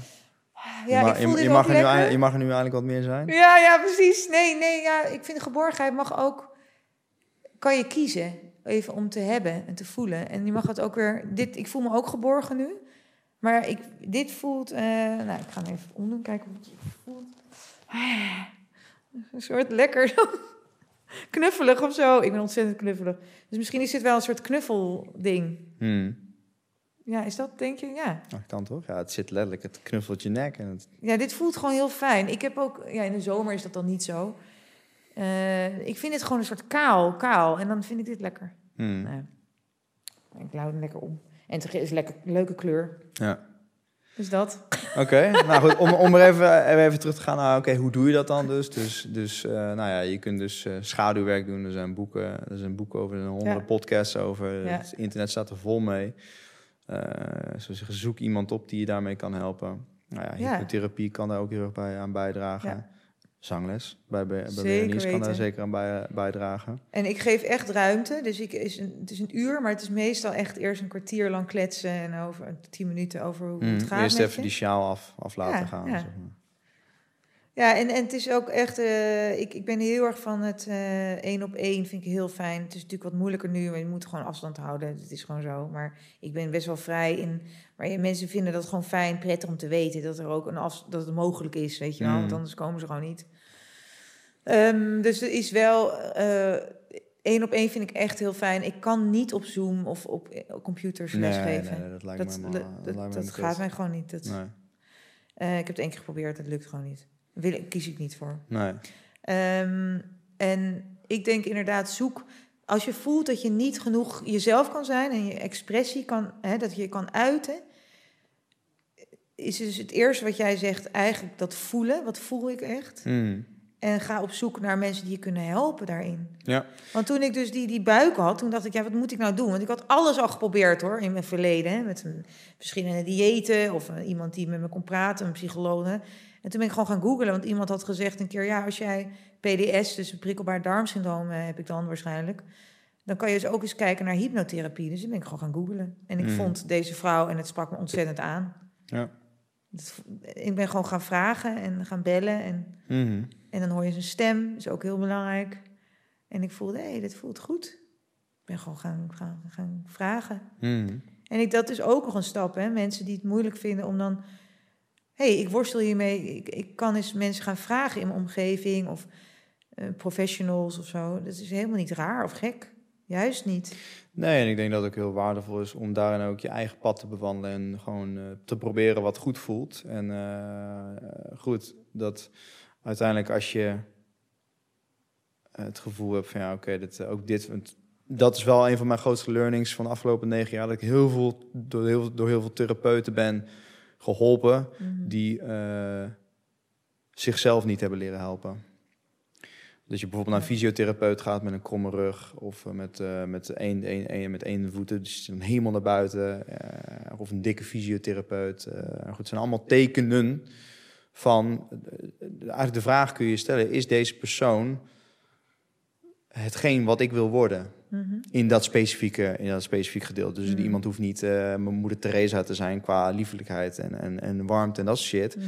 Nee, je komt daar om, om jezelf van je fysieke klachten af te helpen. En zelfregie te nemen. Want Ja. je kunt wel naar een fysio gaan of naar een dokter, maar hier, hier is mijn arm, masseer me. Jij lost mijn probleem op, maar zo werkt het niet. Ja, nee. Alleen zo zijn we geconditioneerd. Want die weet het wel. Nee, zij weet het ook niet. En dat, tenminste, in mijn optiek, eh, wisten ze het allemaal niet voor mij. Mhm. En dat is het grootste geschenk wat ze mij hebben kunnen geven. Want daardoor ben ik zelf antwoorden moeten gaan zoeken. En heb ik mezelf moeten leren helen. Dus ik zou zeggen, accepteer het pad. Neem zelfregie. Ja. En zoek mensen die zichzelf hebben leren helen. Of echt objectieve resultaten hebben van de mensen die zij hebben leren helen. ja. En als je naar een dokter toe gaat, dan is de dokter in mijn optiek een goede dokter als die de pillen wegneemt bij jou en je niet volstopt met medicatie. Maar je zo snel mogelijk van medicatie af weet te krijgen. zeker. Daar ben ik het helemaal eens. En durf dus ook geld te investeren in alles wat niet gefinancierd wordt door, door de zorgverzekeraars. Eh, ik denk dat dat zo even 1, 2, 3 wel de tips zijn eh, die ik mensen kan meegeven. Nou goed, en je kan, eh, je kan Berenice bellen en je kan mij dus bellen. Ja, en ook, ja, het is misschien een hele simpele tip, maar eh, wat, ik ook, wat ook heel erg fijn kan zijn, is dus gewoon thuis eens een keer heel hard gewoon schreeuwen en lekker. Zeker. Ha! Weet je wel, gewoon even helemaal. Of misschien een lekker nummer opzetten en meebrullen. Op Zeker. zijn hardst. Ja. Durf gewoon eh, eh, lawaai te maken. Wees eh, open. Zet jezelf open. Mm. Dat is makkelijk om Ja. te zeggen, maar het is ook, het is ook een, gewoon een zoektocht. Is ook zo. Nou, er is gelukkig een hoop werk hier wat hierover gaat. Dat Ja. heet Bioenergetics. Dat is eh, van Wilhelm Reich. En dat is een vriend van Sigmund Freud. En die, eh, die liet dus echt zien dat het lichaam, dus wanneer je dus geen expressie laat, laat gebeuren, Ja, houdt het lichaam die expressie vast. En wat ik daar straks al deed, van als een kind op school zit en die wilt wat zeggen, dan is "Sst, stil. Je slikt het letterlijk in. ja. En ehm, als je dat dus chronisch doet, dus chronisch onderdrukt, dan conditioneer je jezelf om dat te doen. En je kunt dus, er zijn oefeningen voor, waaronder in bioenergetics, om dat los te wrikken en dat dus op te zoeken bewust. En een van de andere dingen die ik, eh, die ik geef is TRE, Tension and Trauma Releasing Exercises. En dat is bedacht door Dr. David Buscelli. En ik heb samen met hem een, eh, een, eh, een, een, kleine online class gemaakt daarover. Dat is een zelfhelptool. En ieder zoogdier heeft diep van binnen een mechanisme om dus te trillen als het zenuwachtig is of stress ervaart. En wat doet dat? Hele kleine contracties en ontspanningen van spierweefsel en bindweefsel, Mm. waardoor de spanning kan stromen en gelijk weer het lichaam uitgaat. Daarom zie je dus ook bij Oh. mensen die dus chronisch gestrest zijn of iets te verbergen hebben. Het lichaam letterlijk vertelt gewoon wat, hoe, hoe die persoon is en wat die persoon verbergt. Of als er chronisch, chronische stress is, dat je de ogen nog net niet ziet uitpuilen. Want de fight-or-flight stand staat eigenlijk Ja. chronisch aan. Want eigenlijk wil ik vechten of vluchten. Maar ik heb geleerd dat te negeren. Dus ik ga door met mijn leven. En het zenuwstelsel blijft maar, zeg maar meer en meer getriggerd worden. Dat op een gegeven moment komt er een punt, depressie Ja. of posttraumatische stressstoornis. Want het lichaam Het weet niet meer wat het moet doen ook. om te ontladen. En die ontlading, die zit dus... Er, is, er zijn hele makkelijke oefeningen voor. Ja. En echt, ik heb echt gejankt, geschreeuwd, gelachen. Eh, en er zijn, het wordt in meer dan 60 landen wereldwijd gebruikt. Die, die, die, die, die eh, Becelli heeft ontzettend veel mensen dus die in autoritaire functies zitten geholpen. Omdat dan neem je een rol aan, maar die hoeft dus niet van jou te zijn. Ja. Waardoor je naast je schoenen gaat lopen en Ja. ook weer onderdrukking plaatsvindt. En eh, nou ja, goed, in de natuur, hij, hij liet ook een mooie video zien in die presentatie van hem. Eh, dan zie je een antilope, die is gegraaid door een, eh, een, eh, een, weet ik veel, een cheetah of een leeuw of zo. Ja. Die, en dan, dat is ook een mechanisme van dieren. Als je dus niet kan vechten of vluchten, speel je dood. Oh, ja, ja. En dat dier speelt dus dood. Dus die hangt zo gewoon in de, in de st- strot van dat beest. Op een gegeven moment wordt die leeuw die wordt weggejaagd door een stel hyena's. En, dat, en die antilope die ligt daar. En langzaam begint hij zo te trillen. En hij begint steeds harder te trillen. Steeds harder te trillen. Op een gegeven moment zie je hem echt, echt denken... Zo, die gozer die gaat goed hard. Die heeft wat moois in zijn mik gehad. En hij, hij komt langzaam overeind. Neemt een paar diepe ademteugen. Je ziet dat diafragma echt omhoog en helemaal naar beneden. Staat op en bam, hij is weg. Heeft de antilope depressie? Nee. Heeft hij posttraumatische stressstoornis? Nee. Waarom? Omdat hij zijn stress heeft gedereguleerd. Zijn zenuwstelsel is terug naar een, een goede status van homeostasis. Dus in een, in een, eh, in een staat van zijn waarin eh, je toevankelijk bent voor het ontvangen en het geven van liefde. Je bent, eh, je bent relaxed, weet je, je bent gegrond. En dat kan je dus doen door middel van vibratie en trilling. En dat kun je dus zelf doen, zelf activeren. En daar is Theory echt een van, los van de Wim Hof methode. dat zie ik ook echt als een golden nugget. Maar Theory is echt de grootste golden nugget die ik heb leren kennen. Eh, om zeg maar stress en trauma te ontladen. Want het lichaam onthoudt echt alles. Alles, ja. En hij, hij, er is ook een mooie video van een Navy Gaaf. SEAL die eh, in een Humvee eh, in Afghanistan reed. Reed over een bermbom heen. Raakte bewusteloos.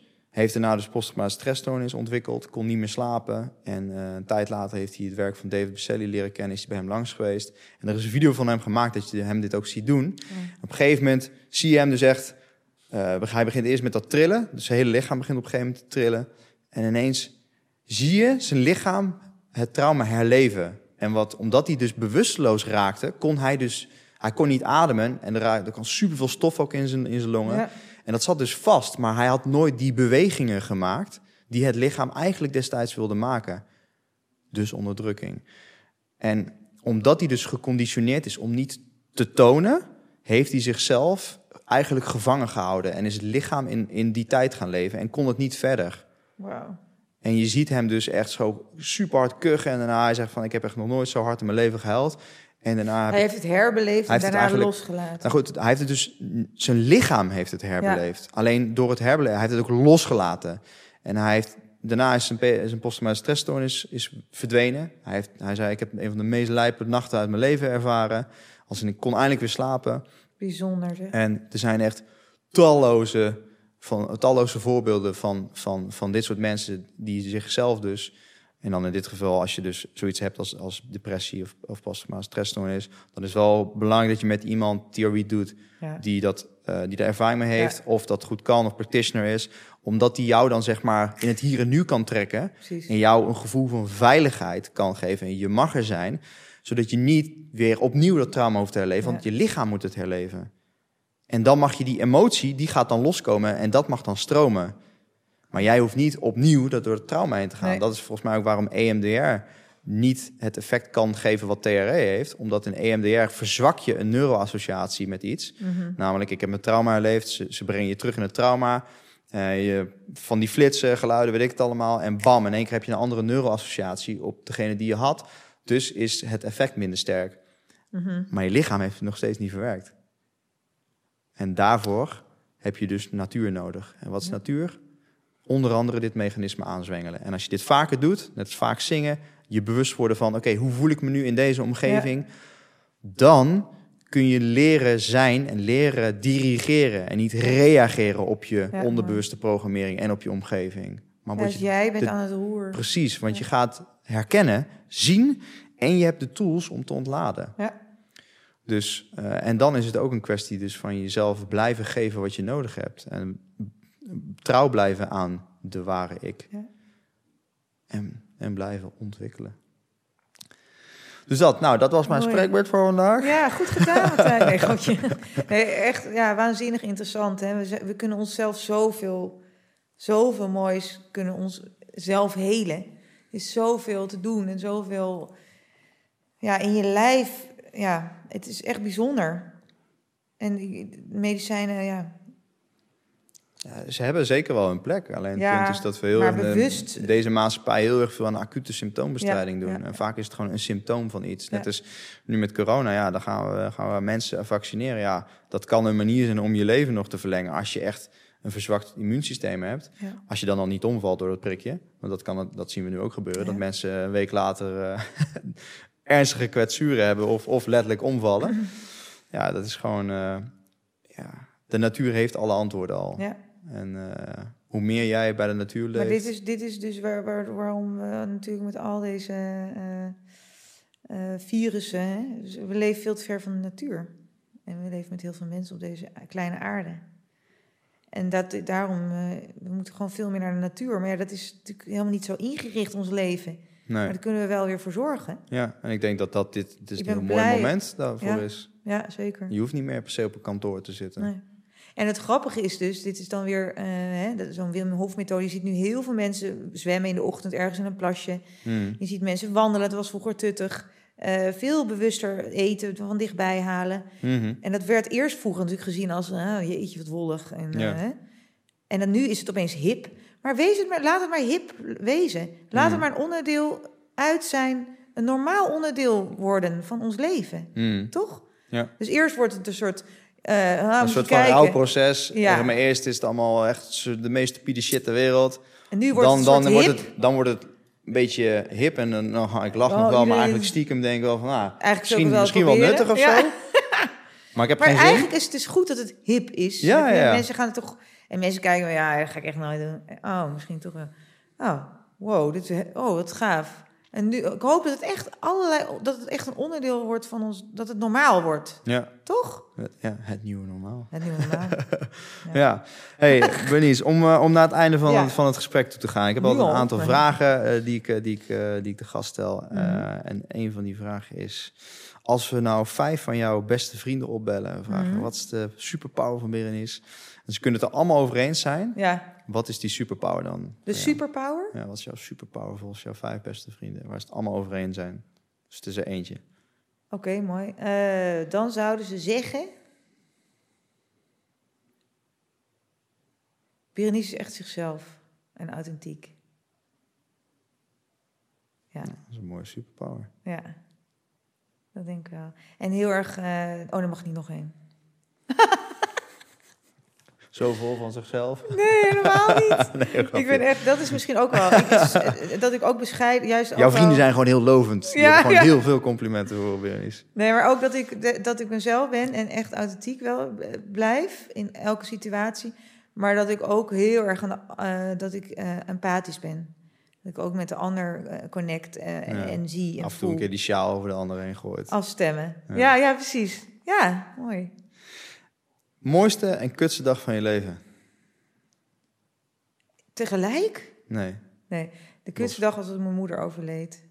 eh, plotseling. En die heb ik ook half dood gevonden. Dus dat was echt verschrikkelijk trauma.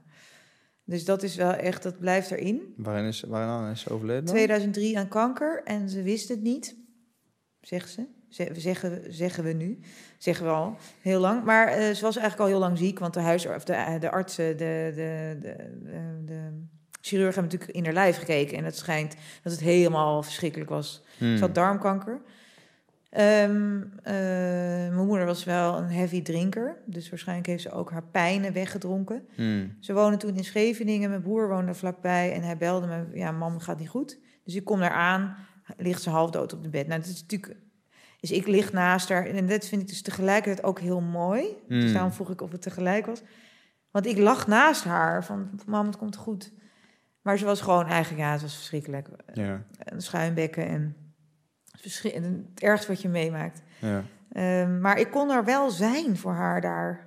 Ik was gewoon bij mijn mama, gewoon aan het liggen. En, oh, en toen, nou, binnen 24 uur was ze dood. En het wist niemand, het was gewoon in één keer weg.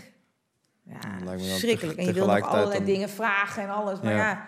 Ze heeft tot het einde wel geleefd. Ze heeft niet in een ziekbed, op een ziekbed gelegen. Nee, dat, dat wilde ik net zeggen. Dat lijkt me dan wel iets prettiger dan dat Voor dus haar echt heel het- langzaam aftakelt. Denk ik wel. Voor, me, voor ons, hè, als egoïstische kinderen, die willen dat natuurlijk. Mama wil ik nog vragen stellen en ik wil nog dit. En ik, Ja, maar, Maar als, je, als, heeft als jij weer ayahuasca doet of, of andere plannen Oh, ik zijn, heb het dan, eh, heel veel. Ik heb met die ayahuasca-trippen heb ik heel lekker veel beppen mooie met moeders. gezien, Ja.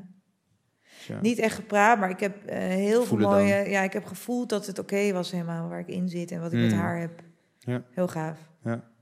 En het mooiste dag? Ja. Oh, er zijn zoveel mooie dagen. Mm, Misschien Siget, 10.000 man. sowieso één van de mooiste. Ik denk wel een van de. De eerste. ehm, de eerste trip met krakensmaak naar Amerika vond ik heel te gek. En de eerste, het eerste kindje van mijn broer toen hij werd geboren. Toen zij werd geboren. Jezus, mijn kleine broertje en dan een kindje. Oh, bijzonder. Dat was ook heel mooi. Hmm. Maar die trip met Amerika was ook voor mezelf heel bijzonder. Omdat het gewoon een droom was. En het wordt dan verwezenlijkt. En het is met een super fijne club mensen. En dan eh, op pad zijn. En de muziek die ik eh, mede heb geschreven. Een paar liedjes die je dan gewoon overal kan verspreiden. Hmm. Ja, dat is ook een trip. Ja. Daar kan geen eh, ayahuasca tegenop. Hmm. en als ik jou nu een magische telefoon geef en jij kan de 20-jarige Berenice eh, ineens spreken en je zou haar advies mogen geven, wat voor een advies zou je haar dan geven? Hey, hey Beer, hoe gaat het? Mhm. Dan zou ik, ik doe het even omdat ik het even voorstel dat ik mezelf aan de telefoon. Dan zou ik eh, advies willen geven. eh, wees nou niet, want daar komt dus het dubbele, hè, wat ik nu ga zeggen. Wees niet te bewust wat anderen van je vinden en doe gewoon echt eerder eh, je eigen pad. Ehm, maak echt wat je mooi vindt, wat je zelf wil. En, want ik ben nu pas mijn eigen dingen aan het maken en het schrijven en het uitbrengen. En ik was me te bewust soms van de muziekwereld, van het hè, muziekwereldje. Wat zouden zij van mij vinden, die, Mm. die muziek? En, de, en dat is nog steeds iets wat ik af aan het pellen ben. Dat, dat, dat ho- hoeft er niet zijn. Dus ik zou dan willen zeggen, Beer, wees gewoon bewust van... eh, het is oké wat je maakt en wat je wil maken. En er is namelijk, in, toen ik een jaar of 22 was, 23, was ik bezig met mijn eindproject van het conservatorium. En dat idee is nooit gekomen. Hmm. Want, en dat is nu pas weer een issue. Een, een issue, juist iets moois. Wat ik eh, ga afmaken. Ja. Dus ik zou dan. eh, nou ja, ik, en de tijd willen geven ook weer tegelijk. Maar daar ben ik dus mee bezig dat het oké is. Alles heeft zijn tijd. Ja. Dus toch wel ook weer dat van. niet- Wees maar niet eh, boos op jezelf te veel. Ja, Hmm. Het is goed waar je in zit. Oké. Ja. En als je de 20-jarige Nederlander een advies zou mogen geven, wat zou dat dan zijn? Wat zijn nou? 20? Alle 20-jarigen in Nederland, als je die een advies zou mogen geven. Ehm,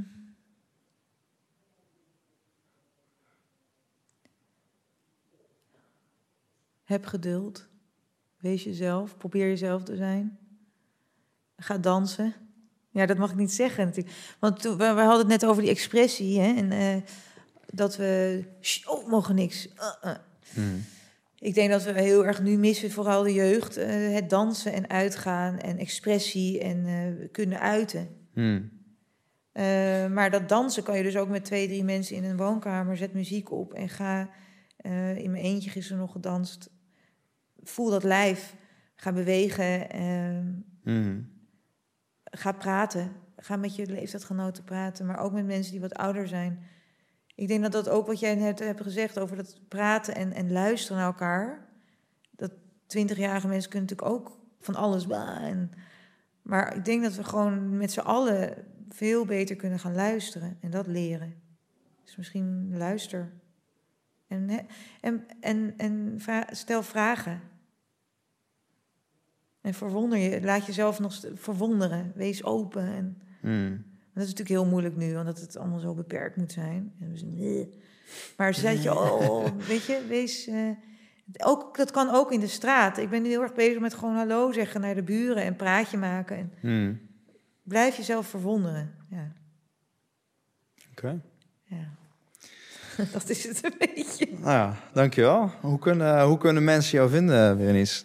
Als Ze op, kunnen eh, me- Social media en dat soort tafereelen. Ik zit, op alles, behalve op TikTok en op Twitter. Zit En. OnlyFans, heb je daar ook een account op? Eh? Oh, dat ken je niet. Ken je dat wel, Wouter? Hoe heet? Wat is dat? OnlyFans is... oh, eh, OnlyFans! Nee, dat OnlyFans. ken ik niet. dat is... volgens Ik ken wel fans leuke Mensen schoenen kunnen daar zeg maar nee, zijn- porno en nudes op zetten. Alleen dan moet je zeg maar een, een abonnement Nee, nemen bij een persoon. Dus dan krijgen de mensen die dat doen wel goed betaald in plaats van dat ze overal op nergens op het internet verschijnen. Maar goed, dat, nee, dat, eh, eh, nee, dat kan je niet vinden. Nee, nee, ik heb een website, berenicevanleer.com. Ik heb Instagram, Berenice van Leer. Ik heb Facebook, artiestenpagina. die is christelijker allemaal. Ja, het is gewoon wat... eh, maar er staat, er staat gewoon mijn... ik probeer zo eerlijk mogelijk te zijn. En ik, er komt een EP aan. Ik wil mensen ook wat meer meenemen naar het proces daarin. Hmm. En, eh, en ze kunnen me altijd mailen als je vragen hebt. Ik vind het leuk Ja. om te connecten. Oké, Dus leuk. nou, dankjewel voor je komst en dankjewel voor, eh, voor het doen wat je doet. Dankjewel voor En het eh, delen van je verhaal vandaag. Ik vond het heel leuk, Matthijs. Ik denk dat, eh, dat, eh, ja, dat het een hele waardevolle episode is. Ja, ik heb een goed gevoel. Ik ook. Dankjewel. Da. Da.